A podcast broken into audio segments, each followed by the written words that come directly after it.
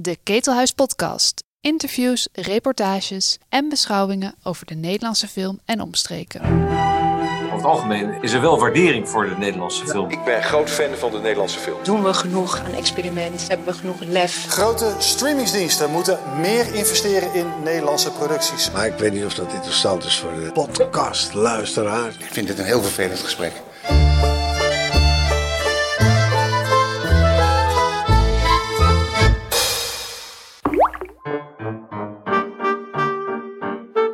De theaterwereld en de wereld van de drugsrunners ontmoeten elkaar in Dealer, een film van Jeroen Perceval.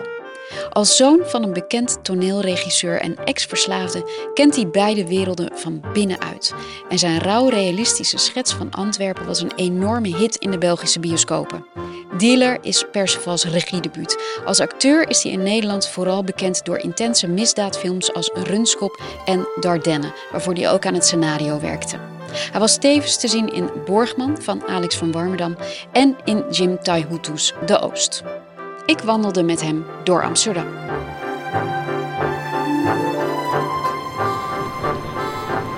Jeroen, ik, ehm, ik wilde hier eigenlijk met je afspreken. Want ik dacht, eigenlijk hadden we natuurlijk in Antwerpen moeten gaan rondwandelen. Ah, ja, ja. Maar je was hier. Ja, klopt. eh, ja. Dus ik dacht, dan toch, nou ja, ons, ons Nederlandse theaterdistrict. Ja, ja, ja, mij ook bekend. eh, ja, ik kom hier al sinds ik klein ben. Eerst met mijn vader. En, ik heb, zelf heb ik hier nog nooit gespeeld, eh, maar wel stukken van mijn vader hier gezien. En, eh, We kunnen dus twee kanten op, denk ik. We kunnen nu gaan wandelen richting zeg maar, de drukte. We kunnen ook richting het Vondelpark. Daar is het iets rustiger. Ik laat jou gewoon kiezen. Het Vondelpark lijkt me leuk. Je houdt meer van groen dan van de drukte van de stad momenteel. Ja, ja. Je zei net, ik, was, ik ben hier veel geweest eh, in het theater met mijn vader. Je vader is, is regisseur. Ja. Was jij zo'n was jij zo'n coulissekind? ja, klopt. Ja. Ik heb veel eh, in de coulissen naar acteurs gekeken die speelden. Moest je dan mee? Was je dan s'avonds tot heel laat? Zat je daar dan? Ja, klopt. Ja, ja, ja. Ik ga hier even. Uitkijken voor de fietsers. Ik ben in Amsterdam maar wat gewoon. Ik heb er ook nog gewoond. En, eh, ik heb er nog Binger Filmlab gedaan. In, eh, en, dan, en dan woonde ik aan, de Prins, eh, aan het Prinseneiland. En dan ging ik sporten in Squash City. En dan, mijn eerste toneelopdracht was hier. Oh ja? Mijn eerste professionele opdracht was in Amsterdam.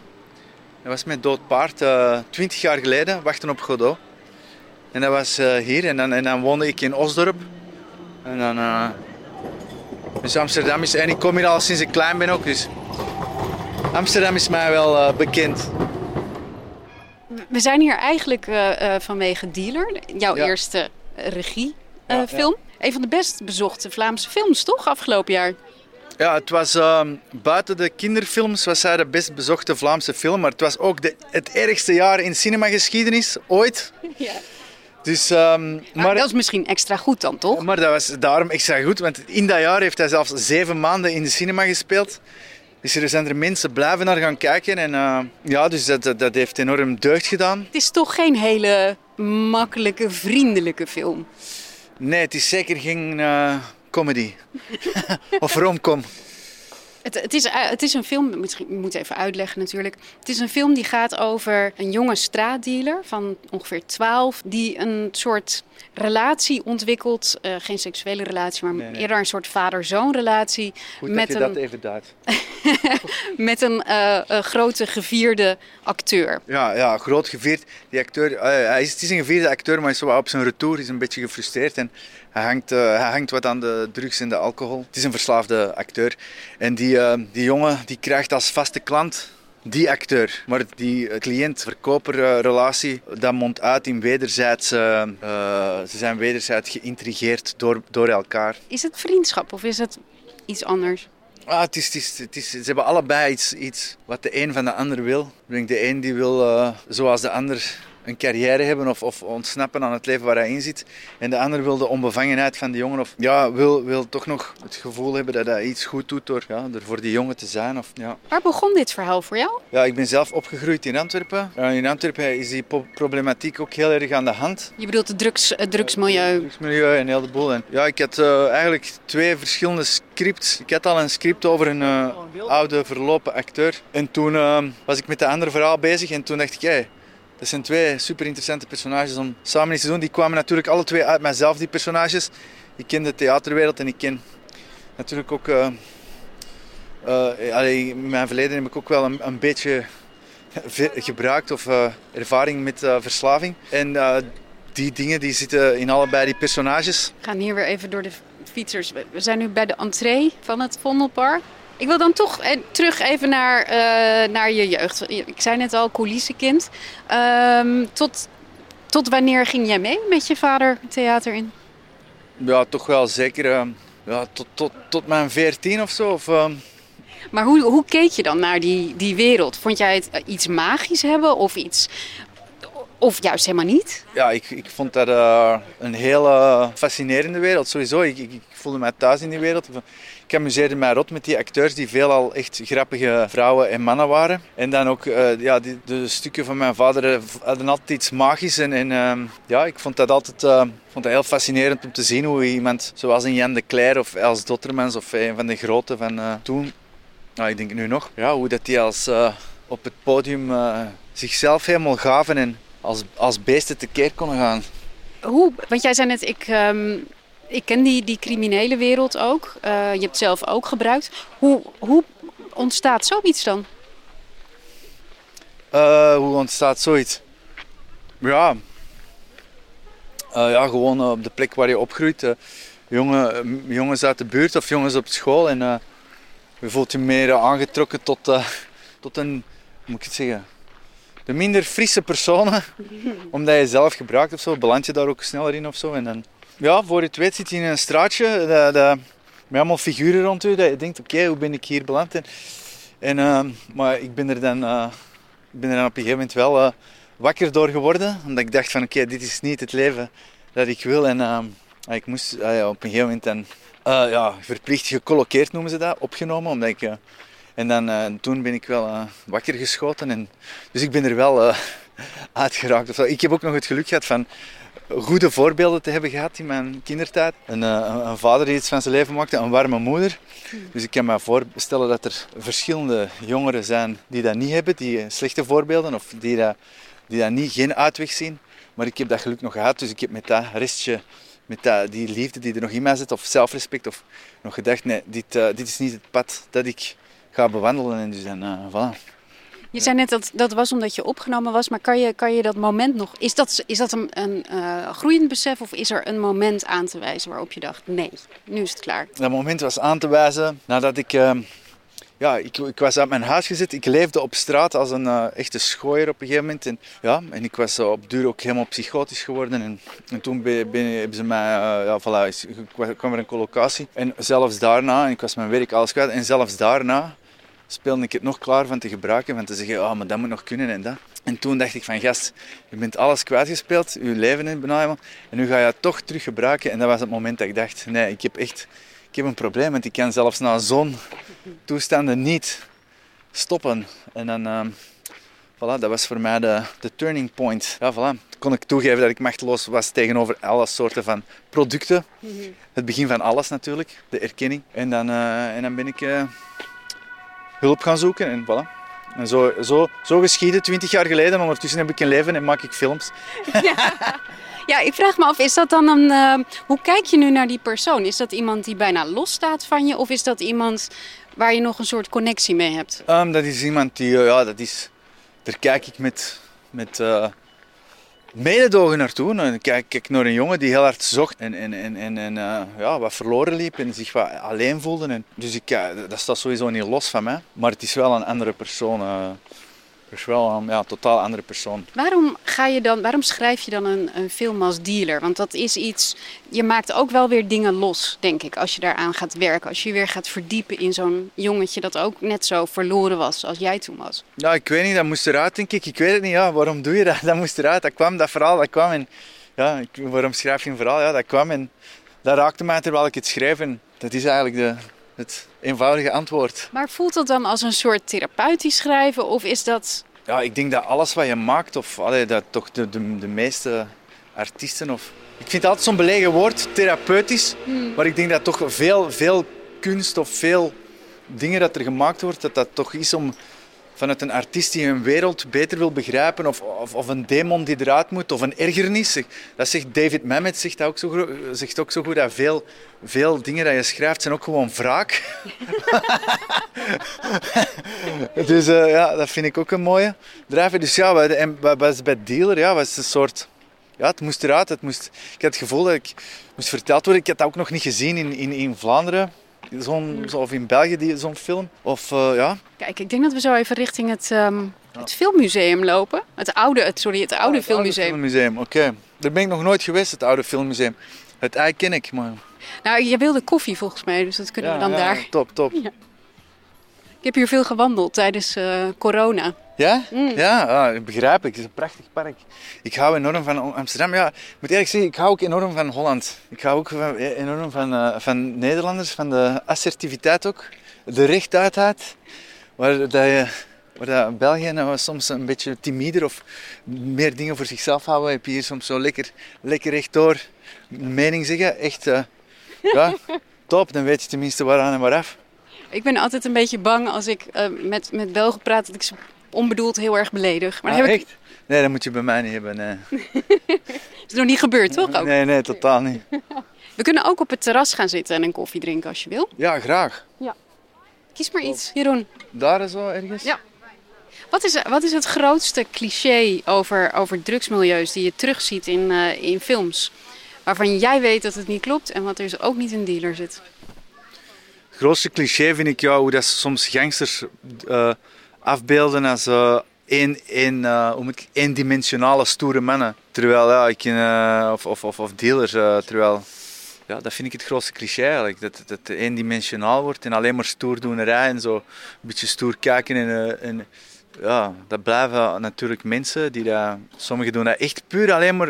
of, er zijn er veel die dat puur alleen maar doen om als businessmodel. en en, en ehm, er zijn er ook, eh, zoals in mijn film, Luca, die, die haalt daar ook een beetje zijn, zijn eigen waarden uit. En zijn entourage die, eh, die dan een beetje naar hem opkijkt. En hij die dan ondertussen zijn eigen producten kan gebruiken. Allee, ik hoop dat dat gelukt is met Luca. Dat die, die is een beetje... Voor die jongetjes die voor hem werken, die kijken naar hem op. Maar voor anderen, moest hij onder leeftijdsgenoten zijn, zou je denken, wat voor een loser ben jij, snap je? En dat vind ik me- meestal bij, bij, bij drugsfilms of bij, allee, bij sommigen, niet bij alle. Dat soms eendimensionaal is en alleen maar tof, tof doen en eh stoerdoenerij. Terwijl de, zachtmoedigste man kan eh, drugs verkopen. Of, eh, ja, dat denk ik. En voor de rest, ja, over de drugs. Ja, ook het glorifiëren van, van, van het wereldje soms. Ja, er is niks glorieus aan. Allee, ik, snap, ik snap dat dat soms zo wordt gedaan en, en, en, en, en, er, zijn, er zijn leuke dingen aan, maar vind ik ook zo goed aan Scarface. Dat begint allemaal, ja, en, maar uiteindelijk is, het, eh, eh, is het alleen maar miserie. Is het trouwens makkelijk om, niet in die, hè, om het niet als een soort glamour ook eh, af te schilderen? Ja, ik denk dat dat, dat moet gewoon je insteken als, als filmmaker. Ik denk als je, als je als filmmaker nog iets te veel zelf dweept met doop, ja, dan ga je snel er iets dweperig mee doen natuurlijk. maar als je dat niet doet, ja, dan, dan ik hoop dat dealer er een beetje tegenovergestelde van is op een gegeven moment. Alles rond drugs hangt een soort van leegte aan. Hè. Mensen die zich... Ik begrijp dat er zijn natuurlijk ook gelegenheidsgebruikers die dat doen om af en toe eens te, ontsnappen. En, maar heel veel gebruik en, en en, weet ik wat, eetverslaving, dat is, is allemaal om een leegte op te vullen. Dat heeft heel veel te maken met een existentiële leegte waar dat mensen niet mee om kunnen gaan. En dan denk ik, ja, die, die leegte zou ik dan toch het liefste zien in zo'n films ook. eh. Het interessante is, als je, als je van tevoren zegt, denk ik, een, een jonge drugsdealer eh, sluit een vriendschap met een eh, gevierd acteur, zou je zeggen, dat is best een lastige eh, eh, om te verkopen. Maar dat doe je eigenlijk heel natuurlijk. En ik denk dat dat in die dat leegte dat zo ligt. lastig is om te verkopen. Dat, dat vind ik raar dat mensen dat denken. Want ik kan u voorbeelden opnoemen wat ik niet ga opnoemen. Maar er zijn natuurlijk acteurs die dat, die dat, die dat gebruiken en die dat, eh, die dat in contact komen met dealertjes en, en, en, die dat ja, geïntrigeerd. Dus, dus ja, dat is, dat is, ik denk dat dat alleen maar in de hoofden van de toeschouwer, die, dat, die, die, maken dat lastig te verkopen. Terwijl it's fucking real shit. Snap je? Het gebeurt, allee, het gebeurt gewoon. Het gebeurt gewoon. Het is gewoon zo. En ehm, eh, bij, bij Anthony gaat het ook over een eenzame, een, een soort gast die, die wordt, die wordt omringd door veel ja-knikkers die daar verblind zijn door zijn roem en zo, ah, de, de, de grote Anthony Ophoff. Maar, maar voor de rest met weinig mensen die rechtuit tegen hem zijn in contact. En voor hem, die Johnny, dat is voor hem een, een rauw, echt zieltje. En hij is daardoor geïntrigeerd. En, en eh, hij heeft dan ook natuurlijk zijn eigen egocentrische eh, plannetje eh, ten aanzien van zijn ex om te bewijzen van zie, ik kan wel. Of, maar... Ja. Vond je het een leuke man trouwens, die acteur? Vind je het een, een, vind je het een aangenaam personage? Anthony? Ik hou van zo'n personages. Ik Ben ik zeg het, ben geïntrigeerd door die leegte. En door Maar leuk, ja. Ja, echt leuk is, is hij niet. ja. maar hij heeft wel ja, een kantje. Ja. Het intrigerende is natuurlijk dat je de hele tijd zit te kijken en dat je denkt, Ja. ik hoop zo dat je het gewoon toch goed bedoelt. En het Dat zal ik- wel... Dat vind ik veel, veel altijd interessant aan soms heel beroemde mensen. Dat dubbele, dat ge- aanbeden worden voor wat je kunt, maar aan de ene kant eigenlijk een gewone dikke loser zijn. En zo heb je ook veel beroemde mensen die in het echte leven of gewoon fucking losers zijn. Gewoon shinen voor de foto en een beetje hun job kunnen doen, maar voor de rest... En dat is Anthony voor mij. Wanneer zag je die eigenlijk voor het eerst? Was dat iets wat je toen je, toen je jong was en in, in die coulissen van een theater stond al dacht van... Jullie, die, die roem is eigenlijk maar ja, een, een, een laagje vernis of, of kwam dat later? Ja, ik denk, ik ja, ben altijd wel een beetje denk ik, gefascineerd geweest toen ik klein was om te zien hoe dat sommige be- bekende acteurs die dat ook in, in films eh, speelden of eh, weer- werden aanbeden eh, of- en, en, en de, de vorm, hoe dat daar dan mee werd omgegaan en, en hoe dat die mensen in het echte leven waren. Wat niet wil zeggen dat het allemaal Antonies waren, dat wil ik daar, ik bedoel, dat waren over het algemeen allemaal heel lief en, en ehm, ja, en dan later, ja, om, door er zelf mee te maken te krijgen en op een andere manier. En, ja, toch iets dat mij ja, ook intrigeert. Hoe dat die roem eigenlijk puur een soort van projectie is van mensen die dat eigenlijk niks meer met de werkelijkheid... Allee, voor een, eh, een cappuccino met eh, amandelmelk, kan dat? Ik heb alleen havermelk. Gewone koffie dan, alsjeblieft. Ik ook. Ik ook. Dus dat, staat allemaal, eh, dat is allemaal in de, in de podcast. Alles komt in de podcast. Ja, ja. Je was aan het vertellen over roem. Nee, ja, dat, dat- ik vind dat een, een, een, een, een- dat fascineert me wel. Ik vind dat een, een interessante eh, dynamiek. Was jij op een soort gekke manier voorbereid dan op, op die roem?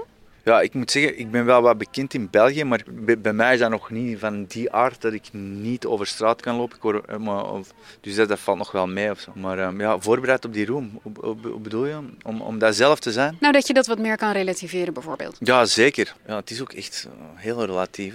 Het is ook echt... het is ook echt... eh, allee, ja. Ik bedoel, ooit, als je klein bent kan je zo dromen. Dat heeft Johnny ook, van ik wil famous zijn. En als het dan zover is, denk je, ah, ja, deze is het dan. Maar eh, ik ben nog altijd die even depressieve fuck als altijd. Pas op, ik ben niet altijd eh, depressief hoor. Ik ben, eh, ik ben ook heel veel eh, blijmoedig en, eh, en ik kan... eh, voilà, ja. Nee, maar dat is natuurlijk interessant. Je kan in die coulissen staan en denken, ik wil ook beroemd Ja, worden. ja, ja. Of je kan denken, nou ja, Ja, maar bij- ik denk bij mij was niet per se dat, de- ik, als ik die, dat theater zag of zo, ik wilde ook. Ik was vooral gefascineerd door de schoonheid en de werelden dat er werden gecreëerd. En op een dag hoopte ik dat ik ook zoiets zou kunnen maken of doen. Of, of ja. Maar, ehm, sorry, wat was de vraag weer? of je vroeger droomde van roem. Eigenlijk was dat de vraag. Ik? Ja, ik denk zoals de meeste kinderen, jongeren, van ja, een beetje erkenning. En, eh, ja, zeker. Ik droomde vooral om, om een voetballer te zijn, een, een beroemde voetballer. En ergens te komen en dan mijn vriendinnetje af te halen met een limousine. Die dan helemaal onder de indruk was van wauw, jij bent een beroemde voetballer. maar dat voetballen is nooit gelukt. Ah. Ja, ja. Je bent gaan acteren. Je wilde eigenlijk maken, toch? Ja, dat is eigenlijk mijn grootste. Ik ben, ik ben, ik ben ehm, gaan acteren, maar ik ben altijd vanaf het begin beginnen schrijven en eh, toneelstukjes schrijven. En onder andere dat Dardenne, dat was mijn eerste toneelstuk. En dan, en, en, en, en dan op, de, op de duur is ook de, de, de droom gekomen om films te maken. En ik heb mij nooit alleen maar eh, acteur gevoeld. Allee, nobel beroep, eh, als je dat als alleen maar je... Maar ja, ik, ik heb mij nooit alleen maar... Maak die zin eens af. Wat bedoel je? Nobel beroep, maar. Ah, nee, nee, niks maar. Niks maar. Nee, nee. Ik wil alleen maar zeggen, alleen maar acteur zijn is ook goed natuurlijk. Hè. Is ook, eh, is ook een, een nobel beroep. Je bent in, ehm, in Nederland ben je denk ik vooral bekend van eh Dardenne, van, van Runskop. Je zat in de Oost Ja. als een priester. Ja, ja. In de Oost als een priester, ja. Maar het zijn altijd En wel... Borgman natuurlijk. Ja, ja. Het zijn altijd, me- of tenminste meestal zijn het wel, maar misschien ligt het aan mijn blik, maar het zijn altijd eh, rollen met een iets wat gevaarlijk randje eraan. Daarin schitter je vooral. Ja, blijkbaar. ja, wat kan ik daarop zeggen, ja. Heb je dat van nature dat je iets eh, gevaarlijks hebt? Ja, ik denk dat iedereen iets gevaarlijks in zich heeft. Maar blijkbaar eh, zien regisseurs dat bij mij of... eh, me niet tegenstaan. Ik heb ook al uh, een romcom gespeeld als uh, love interest en dat was ik niet gevaarlijk. Uh, ik heb ook al, ik heb ook al totaal ongevaarlijke flikken gespeeld. In, maar ja, ja. Ben, je, ben je bang dat je zo ook getypeerd wordt als acteur? Ja, zeker, zeker. Allee, het is daarom, maar ja, nu noem je juist die dingen op waar ik dan meer gevaarlijker of shadier in ben. Maar ja, ik heb ondertussen ook al wel uh, veel andere dingen, andere soorten rollen gespeeld. Dus ik probeer er wel op te letten. Ik weiger ook soms dingen als, uh, waarmee ze weer afkomen. Om, uh, als ik het gevoel heb dat ik dat al, al eens heb gedaan. Maar Dealer is wel weer een film ook waarin een beetje dat duistere vooral naar voren komt. Hè? Ja, ja. Dus er zit toch iets van een soort aantrekkingskracht, denk ik, voor jou. Ja, ik denk dat er, ja, ja, er leeft wel een beetje duisternis in mij. En, voilà, ja. maar, zoals dat iedereen, yin en yang, licht en donker. Waar veel licht is, is ook wat donker. Waar dat er veel waar het er donkerte is, is er ook licht. Je hebt voor Dealer, de acteurs die je hebt gekozen, heb je ook heel erg tegen hun uh, imago in laten spelen, toch? Ja, het is daarom, hè, je had het juist over typecasting. Ik vind dat dus echt van de hond zijn balletjes. dat, uh, dat echt, dat je op de duur, dat, dat, ze in Vlaanderen, ik geloof in Nederland, dat ze er ook wat van kunnen, kom, mensen altijd dezelfde dingen laten doen. denk ik van gasten. Ik denk echt dat die mensen niks anders kunnen. En dan Ben, die werd, allee, terwijl Ben is een enorm goede comedy-acteur en, en, en, en, die doet dat heel goed en die doet dat graag. Maar ik, had, ik dacht iets van, gast, die, die kan, is een heel goede acteur. Dus ik vond het heel interessant om hem eens een dramatisch uh, iemand te laten spelen. Maar ook gewoon ook omdat hij heel erg paste voor die rol. Waarom vond jij dat hij paste? Hij heeft ook een enorme tragiek, maar veel clowns hebben dat. Hè. Veel goede clowns hebben ook iets heel tragisch. Dankjewel. En, uh, en, bij, en bij Bart die wordt dat meestal gecast als, uh, als de als de nerd. Dus ja, en, maar ik weet niet waarom dat ze dat altijd doen. Ik denk dat er veel bange regisseurs en producenten rondlopen of zo. Ja. Dus je belt die Ja, mensen en die mee. Ik denk ook veel regisseurs en producenten met weinig fantasie, die daar alleen maar denken van, ah ja, die is kaal, dus die is gevaarlijk. Oké. ja. Maar dus je belt dan die acteurs, waren ze verrast? Ja, die hebben dan auditie. Allee, ik heb die wel getest. Allee, ze wel, ik, ik was heel vereerd dat die wilden komen testen, natuurlijk. En hebben we wat geprobeerd. En ja, die waren blij. Ze waren blij dat ze dat... Ja, ze waren blij. Wat doe jij dan als, als regisseur om een acteur zoveel mogelijk tot bloei te laten komen? en vooral hun ding laten doen, maar ja, ook eh, soms een beetje werken op eh, tikjes die ze in andere rollen hebben, dat weg te krijgen. En, ehm, nee, ik hou er wel van om bijvoorbeeld scènes in plaats van na elke run kut te roepen, soms drie keer aan elkaar. Dus ze ze zeggen oké, nu opnieuw en we blijven draaien, geen kut, gewoon blijven draaien. En ik voel, dat is ook mijn ervaring als acteur, ik hou er soms van, je hebt een scène gespeeld en je voelt van, ik ben er nog niet helemaal, maar als ik nu onmiddellijk, dat je dan, en, eh, maar meestal wordt er dan kut geroepen en zit hier weer, dan is er weer iets aan het licht, dan is er weer, dus dan hou ik ervan als regisseur gewoon soms drie runs na elkaar en en tijdens die runs durf ik dan ook wel eens roepen, oké, Ben, even dat opnieuw, die zin, eh, minder zo. Of, ja, ik weet niet, dat is mijn manier van regisseren, soms zo kort opzitten. Maar eh, dat hangt er van, van acteur tot, tot acteur af. Soms kan je gewoon, zit het er los op, kan je gewoon laten. En, maar bij kinderen bijvoorbeeld, die, die nog niet heel veel dat bewustzijn hebben van, van heel de tijd de juiste keuzes te maken, moet, moet je soms, allee, heb ik het gevoel als regisseur, korter op de bal zitten en zeggen van oké, doe dat, dat nu even opnieuw, zie dat nu even zo. En, allee, dat is dan mijn ma- manier. Hoe werkt dat in de montage? Waren, was dan inderdaad als je drie keer dezelfde scène laat spelen, is de derde scène dan het beste? Nee, niet altijd. En soms is de tweede scène het beste. Of dan, of dan de monteur. Was soms lastig voor de monteur. Die had zoiets van, "Amai, wauw, je hebt, je hebt lange runs. Eh, ik denk wel, eh, ik van ja man, that's your job. en eh, ik hoop dat dat niet de proper afwas is. er staan een paar duiven momenteel in het bestek. Ja, fuck. Ja, hier ga ik niet eten.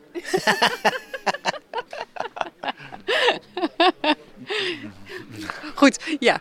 Ehm, als jij eigenlijk altijd al wilde maken en je, je schreef ook altijd alles al op, waarom heeft het dan zo lang geduurd voordat je überhaupt ging regisseren? Ik ben natuurlijk niet, niet op mijn 18 naar een filmschool gegaan en dan afgestudeerd en direct films beginnen maken. Ik, ben, ik heb een heel, ik weet niet, ja, een, parcours, afge, een, organisch parcours van bewustwording van oké, wat wil ik eigenlijk. Ik ben eigenlijk eerst gaan acteren uit noodzaak, omdat ik, ja, ik zat in een, in een, in een straatje dat zo, ja, ik, ik, ik, ik zeg het, ik had het geluk ik wist dat dat bestond, een toneelschool. Snap? Veel jongeren waar ik toen mee omging, die kenden dat niet, die wisten zelfs niet. Maar ik wist dat natuurlijk via mijn vader. Maar op die moment ging ik met, met heel eh, ja, zo met foute jongens om. En, en, eh, en, en, en, en maakte ik wat dingen mee. Op een gegeven moment dacht ik van oké, ofwel eh, beland ik binnenkort in de, in de gevangenis, om het zo te zeggen, of, of uh, gebeurt er iets, ofwel ga ik... Uh, want ik heb ook geen zin met, om, om, om, om ook andere jobs... Ik, ik had ook geen middelbaar diploma, niks. En, en ik had geen zin om, om, weet ik wel, in een fabriek te gaan werken of dingen. En ik dacht, ja, acteren, dat was nooit mijn grote droom. Meer schrijven en zo. En, en, en ik, maar acteren lijkt me wel een leuke job. Een leuke uitweg om... Uh, omdat ik ja, meestal zo de, de acteur, of die, die ik zeg bij mijn vader, die, die speelde s'avonds en daarna gingen die lekker doorzakken en feesten. dat lijkt me wel een leuk leven. Dus dat was eigenlijk meer mijn drijfveer van oké, misschien is dat iets voor mij. Dus, en, eh, dus ik ben aan, gaan acteren eerder uit, omdat ik de rest niet leuk vond. En om, om, om, maar dat was nooit een grote droom. Maar uiteindelijk, blijkbaar, ik ben er dan in geslaagd, maar ik ben nog heel lang onzeker geweest over dat acteren. Kan ik wel acteren, ben ik goed? Uh, dat heeft tot Runskop geduurd, dat ik altijd dacht van ik zak, ik zuig. en, uh, ja. Wat gebeurde er bij Runskop, waardoor jij opeens wel uh, dat aankomt? Ja, bij Runskop was het gewoon, uh, dacht ik van oké, het is erop of eronder. Ik denk ofwel laat ik het nu zien. Ten eerste, ja, was ook een fantastisch script, fantastische film. Ik geloofde erin. Wil zoveel kansen krijg je niet in het kleine Vlaanderen of bijvoorbeeld in Nederland om in prachtige films mee te spelen. Dus dat was erop of eronder. Ik dacht oké, okay, ofwel laat ik het nu zien dat ik het kan ofwel niet. En uh, dus ik, heb mij dan ook uh, dat enorm voorbereid op die rol. Ik heb en uh, ja, dat was het gewoon. Dat was erop en, en, en dat werd gesmaakt. En, uh, heeft Matthias zijn carrière gelanceerd, heeft mijn carrière op een bepaalde manier ook gelanceerd. En dan ben ik ineens heel veel beginnen filmen en, en ondertussen nog schrijven. En, maar ik heb dan gaandeweg wel geleerd van het acteren te genieten en, en, te, en, en, en ontdekte ik daar ook mijn dingen kwijt kan. En, was, acteren, was acteren ook een soort, uh, omdat je dan, je kwam uit een situatie waarin je natuurlijk een beetje ook genoeg had van jezelf en, en van de wereld waarin je zat. Ja. Acteren is natuurlijk dan een manier om iemand anders te zijn, om een andere wereld in te gaan. Ja, inderdaad. En dat, dat, dat, kon iemand anders zijn. En je creëerde toch een soort van op de speelvloer. Op een gegeven moment, in het eerste jaar, ik, ik was heel slecht. Ik was super onzeker. Ik wist totaal niet meer wat ik bezig was. Ik was er wel door op Herman Teilink, door de, door de ingangsweek. En, en toen op het einde kwam ik Damian de Schrijver van theatergroep Stand tegen. En Renilde de Cler, de zus van Jan de Cler. En die gaven mij ineens vertrouwen, want daar gaat het meestal over. Over vertrouwen. Voor acteurs, voor regisseurs, voor artiesten. Het vertrouwen om slecht te durven zijn, om vrij te durven zijn, om fouten te durven maken. En die gaven mij dat vertrouwen. En ineens kon ik vrij op een, op een scène en ik voelde mij plots en dacht, ah, dit is leuk, dit, een vrijheid. En, en dat is, dat is, dat ik denk dat dat voor vele artiesten geldt, dat je een soort van vrijplaats voor jezelf creëert. Een plaats waar je compleet vrij bent, los van alle dagelijkse beslommeringen. En, en, ik denk dat dat voor acteurs die zich goed in hun rol voelen en, en vrij voelen, dat dat hetzelfde is. En even ergens anders zijn en, ehm, en en dat heb ik dan op een gegeven moment ontdekt. Ik heb dat niet altijd bereikt. Ik heb ook heel veel met, met angsten uh, dat ik ergens kwam. Of, ja. Bijvoorbeeld uh, Borgman was ik super angstig. dat was ook heel eng. Dat is met Alex van Warmerdam. Dat is nog best... Ja, dat was, dat was best een, een uitdaging. Ik denk dat ik daar nu anders mee zou omgaan. Ik, was wel, ik was super dankbaar. Ik bedoel, Alex is uh, een, een held van de lage landen. Maar voilà, hangt van, van, van, van rol tot rol af.